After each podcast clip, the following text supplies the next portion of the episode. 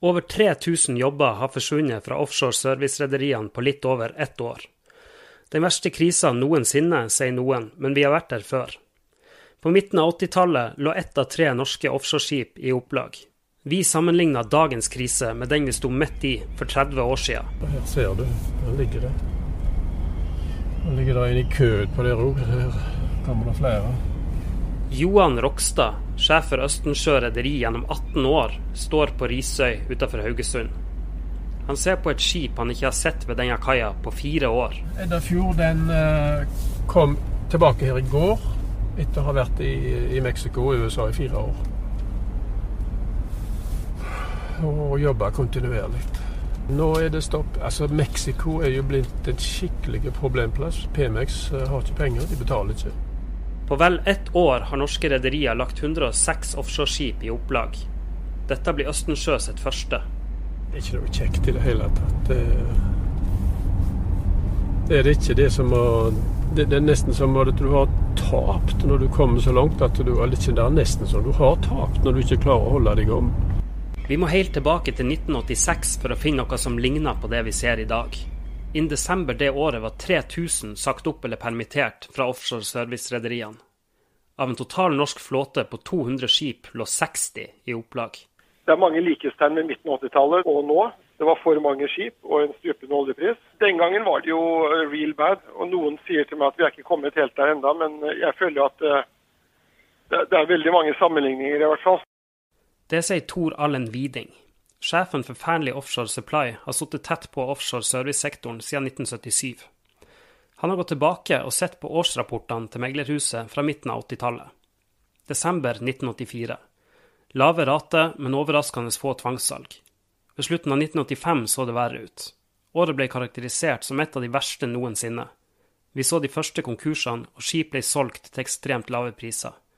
1986. Verre enn noen hadde forestilt seg. Verdien på skipene var ikke i nærheten av den utestående gjelda, og samtalene med bankene dreier seg mest om omfattende sammenslåinger for å unngå total katastrofe. Men hvor er vi i dag? Viding tror vi er i 1985. Ja, jeg tror det. Dette blir jo mye synsing. for vi, Hvis du ringer meg i desember eh, senere i år, så, så har vi sikkert uh, svaret. Men sånn som det ser ut nå, så tror jeg faktisk det blir verre før det blir bedre. Uh, jeg var jo ung og fersk megler den gangen. Jeg syns 84 var helt forferdelig og trodde at det gikk ikke an å bli verre. Og så ble det faktisk verre i uh, neste år.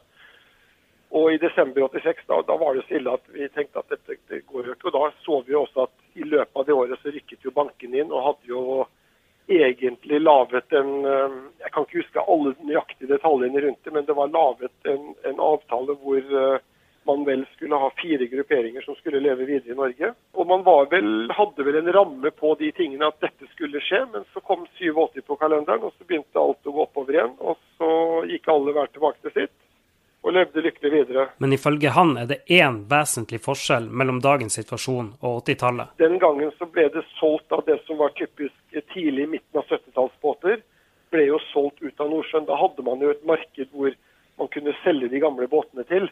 Eh, så du så typisk at mange av de 10-15 eh, år gamle båtene, for de første supply-båtene ble bygget i 1973, eh, de ble da solgt ut til Midtøsten, Vest-Afrika, en del operatører i Sydøst-Asia.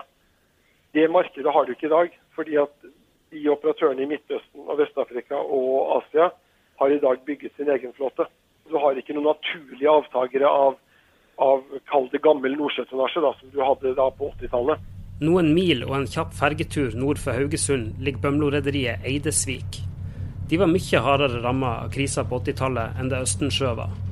Operasjonssjef Jan Lodden husker godt hvordan det var for 30 år siden, da hele offshoreflåten til rederiet lå i opplagsbøyen. Eh, vi hadde jo en periode i selskapet på høsten 86, hvor alle båtene var i opplag.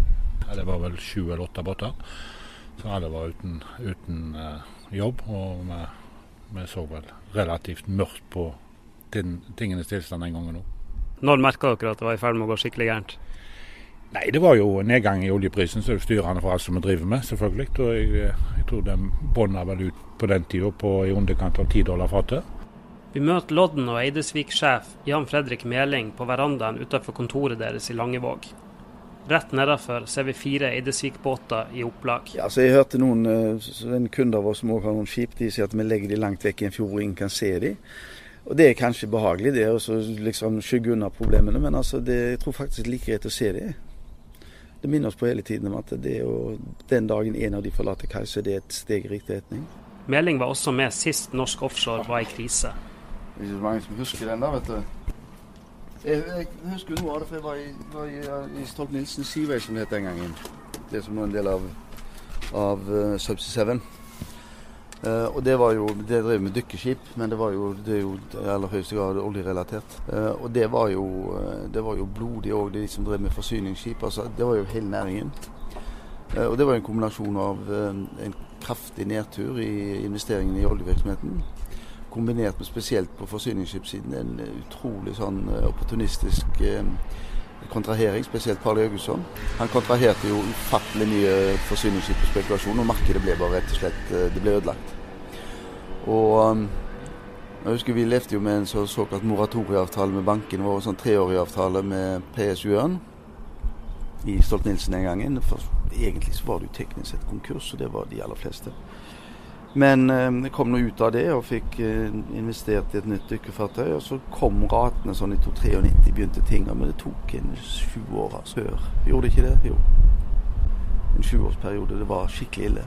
Hvor lang tid det vil ta denne gangen før markedet kommer tilbake, er det ingen som vet. Men det synes å være ganske bred enighet om at det blir ikke i år. Det er ganske dramatisk der ute. Ellers, vi prøver jo ikke å akkurat krisemaksimere, men det er klart akkurat i dag, eh, hvis man ser rundt seg, så er det jo det er jo svarte natta, eh, for å si det rett ut. Selv om det sluttes båter, det selges båter, så ser vi jo at de gjøres på mm, Slutningene er jo ekstremt lave. Og vi kommer tilbake på 80-tallet hvor regnestykket til rederiene var basically um, hva taper jeg minst på? Uh, gå i opplag eller tredje båten? Ikke hvor kan jeg tjene mest, for det, du greier nesten ikke å tjene på driften i dag. Viding minner oss om at det har vært ei voldsom utvikling både i pris og teknologi på offshoreskipene siden midten av 80-tallet. I dag koster f.eks. en ankerhandler over ti ganger mer enn han gjorde da, og utgiftene er mangedobla. Det svir godt for Eidesvik når dagraten i spotmarkedet nesten er lik i dag som de var for 30 år siden. Viking Queen ble levert i sommeren 84. Og hvis jeg ikke husker altfor mye feil, så ble jeg gikk vel den inn på en kontrakt med, med Statoil. til jeg tror Dagrata på den var 26 000 norske, så det var jo ikke akkurat fett til de tidene heller. Og det dekte vel da litt mer enn driftsutgiftene vi hadde på den tida, tror jeg. Så jeg lurer på om driftsutgiftene var da på de båtene var 17 000-18 000 kroner dagen. Og, og inntekten var 5-26. Og nå er det faktisk, eh, sånn som vi ser det i spotmarkedet i dag, så er det faktisk det verre. Mye verre. Hvor vi har driftsutgifter på 70 000-80 000 kroner dagen, og inntjening i spotmarkedet i dag akkurat i dag den er kanskje 35. Det blir for enkelt å bære skyld på lav oljepris, ifølge Viding i Fearnley. Jeg har jo hevdet i lengre tid at denne nedgangen vi ser nå, ville jo kommet uavhengig av fallet i oljeprisen. Eh, fordi det rett og slett har vært bygget i hjel. Det har vært folk som har vært altfor kåte til å bygge båter på spekulasjon. Og det har vært nesten brukt penger som fulle sjømenn. Jeg tenker spesielt kanskje mot uh, asiatiske rederier, men du ser også Og ikke bare rederier. Det har vært uh, Eh, investorer og PE-fond og en del andre som har hivd seg på bølgen. Men eh, det har jo også vært bygget i Norge med veldig lite tanke på, eh, på fremtiden. Altså, det har vært spekulasjon over en lav sko. Viding mener at rederne har seg sjøl å takke for at markedet ser ut sånn som det gjør nå. Da jeg var over i New York her i fjor høst, så ble jeg spurt av en del investorer om vi kunne sammenligne krisen nå med den gangen.